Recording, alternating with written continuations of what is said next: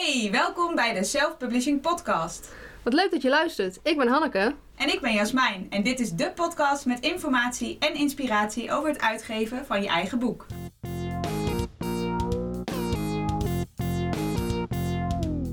Dit is aflevering 2 en vandaag gaan we het hebben over het zelf uitgeven van een boek of het uitgeven van een boek via een uitgeverij.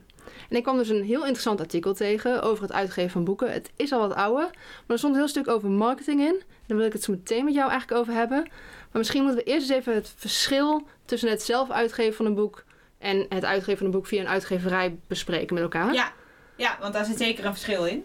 Ehm, ze hebben allebei hun voor- en hun nadelen natuurlijk.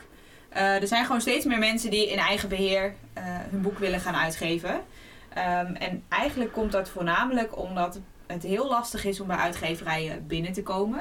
Er komen ontzettend veel boeken binnen en um, veel manuscripten binnen. En ja, er wordt maar een heel klein deel volgens mij van uh, uh, gepubliceerd. Ja. ja, dat las ik ook in het artikel. Uh, er waren twee uitgevers die werden genoemd. Eentje van de uitgeverij van het boek van Michelle Obama. Die krijgen er bijvoorbeeld 20 binnen per maand. En er wordt gezegd dat er maar vijf worden uitgegeven. Dat is, niet, ja, dat, is, dat is maar heel weinig. Ik wou zeggen, dat is een kant van 25% van jouw boek ook daadwerkelijk. Precies. Ja. En uh, de uitgeverij van de Roald Dahl, uh, die is nu heel voor mij in het nieuws ook over het uh, herschrijven van die boek, ja, geloof ik. Maar goed, ja, ja. dat geheel terzijde. Um, die uitgeverij krijgt er zelfs 125 stuks per maand Zo. binnen. En er wordt echt maar een fractie van uitgegeven. Dus de kans is gewoon heel klein. Ja, nou ja, en dat is als je het in eigen beheer gaat doen, dan weet je als jij je boek afschrijft, 100% Precies. zeker Precies. dat die uitgegeven wordt. Ja. Ja, dus dat is ook wel direct een van de grote voordelen natuurlijk. Je hebt gewoon alles in eigen hand. Ja. Dus als jij dat boek schrijft en jij wil jouw verhaal met de wereld delen, Ja. dan komt dat boek er. Ja. Duidelijk. Dat is gewoon, uh, dan, dan heb je eigenlijk geen bemoeienis van andere mensen nodig. Tuurlijk heb je een team nodig wat jou gaat helpen. Ja. Maar goed, het grote voordeel is ook weer, die kan je zelf bij elkaar zoeken. Ja. Dus Stop. je hebt zelf veel inspraak. Um, je kan samenwerken met de mensen met wie je veel wil samen, Ja. wie je graag wil samenwerken. Um, En je hoeft, wat- je hoeft niet op tijd te, te schrijven of zo. Je, Nee. hebt- je, je kan je tijd helemaal zelf indelen. Ja, precies. Je kan gewoon zelf beslissen wanneer jij klaar bent voor een volgende fase. Of wanneer je denkt, nou is het moment. Of op die datum wil ik graag dat mijn boek verschijnt. Dus dan moet Precies. het klaar zijn. ja. Ja, dat, uh, dat kan zeker. En ja, wat dus ook heel leuk is als je zelf je team samenstelt. Er zijn echt steeds meer vormgevers en redacteuren um, die werken voor grote uitgeverijen als freelancer. Um, maar die steeds meer zelfpublishers ook Hm. helpen. Dus qua niveau, je werkt met precies dezelfde mensen als die voor een uitgeverij werken. Ja. Dus um, alleen kan je dan zelf kiezen met wie je precies Ja, wil samenwerken. precies. Bij een uitgeverij um, ja, wordt het toch vaak voor je besloten. Je hebt niet direct contact met een vormgever. Je hebt Nee. eigenlijk vooral contact met jou en contact bij de uitgeverij. Ja. Die regelt de rest. Ja. Is heel fijn, want je hoeft zelf ook niet over dingen na te denken. Maar je hebt dus ook minder inspraak. Ja. Dus het is maar net wat je zelf um, ja, Prettig, graag prettig vindt werken, zeg ja, maar. Ja. precies. Oké. Ja, dus qua zelfpublishing, de voordelen zijn dus echt dat je, dat je je eigen team hebt en, en dat je meer inspraak hebt. En wat misschien ook wel, als we het hebben over geld, Ja. is het wel fijn, je houdt er gewoon meer aan over. Ja. Je hebt meer marge. Hou er wel rekening mee als jouw boek uh, in een boekenwinkel ligt. Dan moet je vaak nog wel een deel aan de boekenwinkel afstaan. Ja. Want die hebben ook inkoopprijs en die moeten er ook wat natuurlijk aan verdienen. Ja. Um, dus dat, dat, dat zou je eens moeten uh, uitrekenen. Ik geloof dat dat rond de 40% ligt. Maar goed, dan heb je nog steeds wel een marge van, nou ja, zeg 60% Ja, van je boek. Stel dat die voor 20 euro verkocht wordt. Nou, dan hou je er in ieder geval meer dan 10 euro aan over. Meer Ja. dan de helft. Um, en dat is bij een uitgeverij veel minder. Daar krijg je gemiddeld 9% royalties. Ja. noemen ze dat. Oké.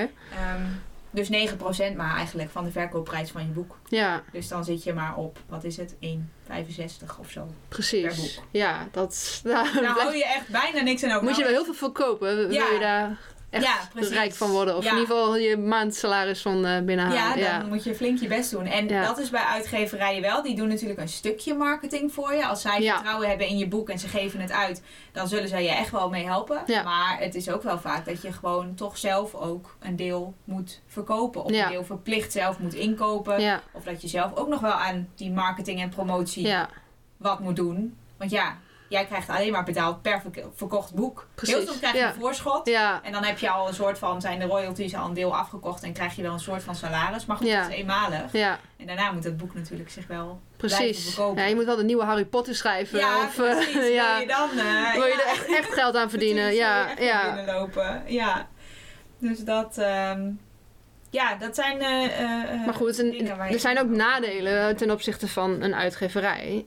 Als je kijkt naar het zelf publiceren van je boek. Ja, Want je moet wel alles zelf doen. ja, nou ja, dat is dus inderdaad ook direct het grote nadeel. Ja, En Je moet echt zelf op zoek naar mensen die jou kunnen helpen. ja, Je moet zelf over nadenken, oh ja, wat moet ik eigenlijk allemaal regelen? Nou Mhm. zijn er genoeg mensen die dat allemaal al een keer doorlopen hebben en die Ja. je daarbij kunnen helpen. Dus eigenlijk als je een goede redacteur of een goede vormgever hebt gevonden, heeft hij vaak ook wel weer zijn eigen team en zijn eigen netwerk waar jij dan ook gebruik van kan maken. ja, Dus in principe als je één iemand hebt, kan je vanuit daar wel eh, de, de rest van je team gewoon verzamelen, Ja. zeg maar.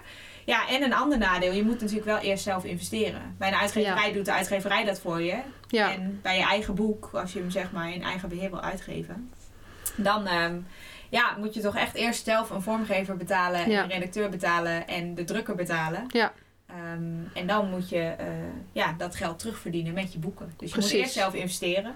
ja. Ehm, maar goed, ja, eh, als jij graag je, je verhaal met de wereld wil delen en je wil je boek uitgeven.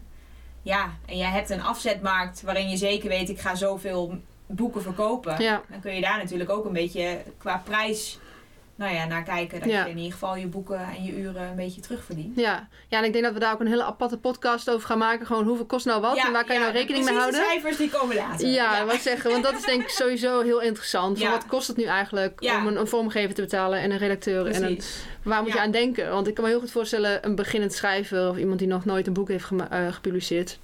Ik heb echt, zelf eh, heb ik ook totaal geen idee. Nee, nee, hier gaan we het kost, inderdaad ja. over hebben. Gaan we even induiken dat Ja, we even de alle precieze prijzen erbij hebben. Ja. Dan eh, kunnen we ook... eh, Maar ja, dat, dat is dus ook het grappige. Want ik las ook een stuk over dat het belangrijk is om je, dus je marketing van je boek, als je dat dus via een uitgeverij doet, toen zij een groot deel ervan.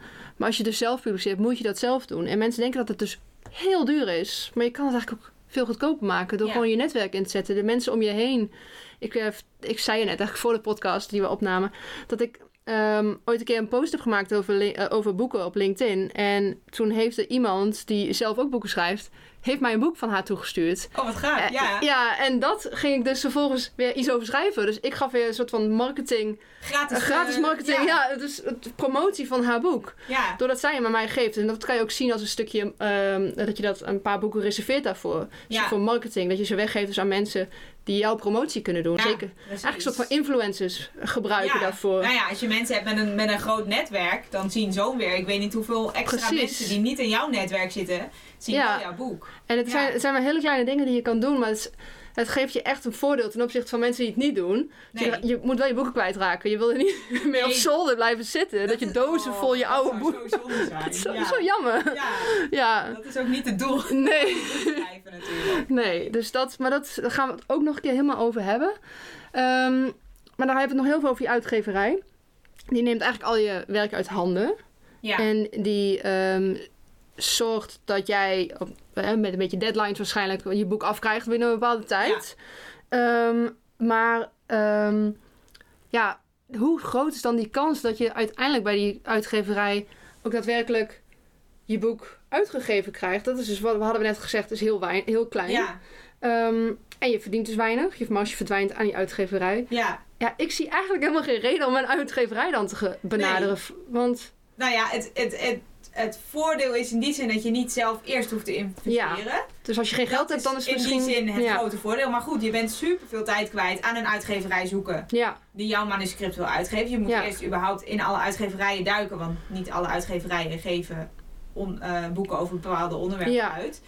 Dus je moet een uitgeverij zoeken die bij jou past. Ja. Nou, er zijn er honderden in Nederland, kleine, Ja. grote. Ja, tuurlijk ga je eerst op zoek waarschijnlijk naar de grote namen. Want Ja. ja, als je daar binnen bent, dan weet je, dat is fijn. ja, Uh, maar goed, er zijn ook heel veel kleinere uitgeverijen, maar die moeten ook jouw uitgeverij of jouw boek maar willen uitgeven. ja, precies. Ehm, dus ja, je, je kan het zeker proberen, maar als je gewoon 100% zeker wil weten dat jouw boek uitgegeven wordt op de manier hoe jij het wil, ja, dan zie ik inderdaad ook meer voordelen in.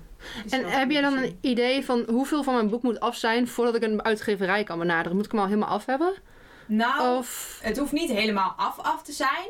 Maar het belangrijkste is wel dat je een aantal hoofdstukken in ieder geval echt wel Ja. geschreven hebt. Daar kan je eventueel ook al een redacteur of iemand voor inschakelen die dat samen met jou echt die eerste hoofdstuk Ja. tot in de puntjes gewoon nou ja, goed neerzet en ook dat je Word-bestand er gewoon netjes uitziet en zo. Dat is Ja. toch de eerste indruk. wou zeggen, ja. Dus, eh, want je moet het meestal wel gewoon als PDF of als Word-bestand opsturen. Ehm, dus je boek hoeft echt nog niet helemaal Nee. af te zijn. Ehm, maar een paar hoofdstukken. En nou ja, stel dat je een verhaal hebt geschreven, moet je ook wel de, eh, de verhaallijn en plot en dat soort dingen wel benoemen. Ja. Hey, hoe gaat mijn boek eindigen? Ja, Wordt precies. het één boek of wordt het een serie of zo? Ja, Ehm, ja, en als je een boek schrijft onder, over een bepaald onderwerp, dus meer non-fictie, ehm, ja, dan moet je ook wel duidelijk hebben: deze hoofdstukken komen erin, deze onderwerpen ga ik bespreken. Ehm, ja, dus je boek moet wel in de basis echt wel staan. ja. Ja, hij hoeft niet super helemaal tot Nee, precies. af.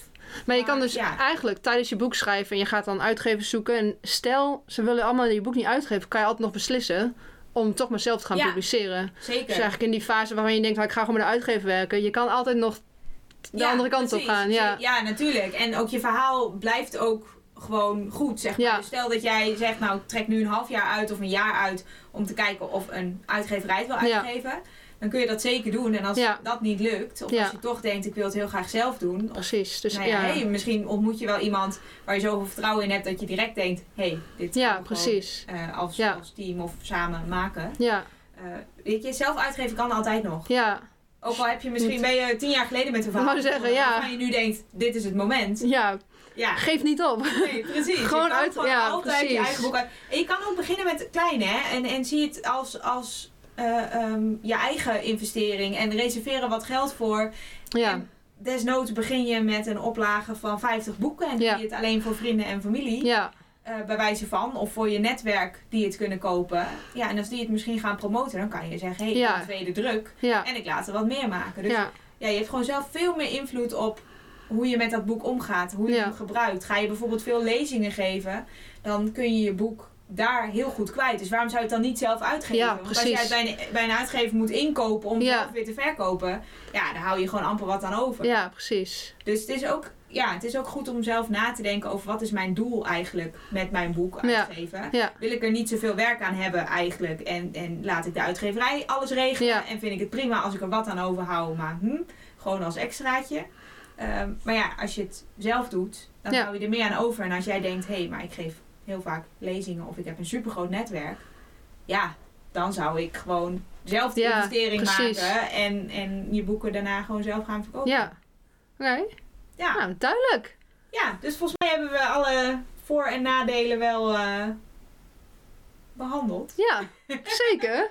Ja, dus eh, ja, doe met deze informatie wat je wil. En wij hopen natuurlijk heel erg dat je zelf eh, je boek gaat uitgeven. Ja. Dat gewoon... We zijn ook heel benieuwd naar of er gewoon mensen zijn die zelf bezig, zijn, zijn. die bezig zijn inderdaad. Ja. En hoe zij dat proces ervaren. Dus Ja, als laat je vooral Ja, horen. laat het vooral horen. Dat ben ik heel benieuwd naar.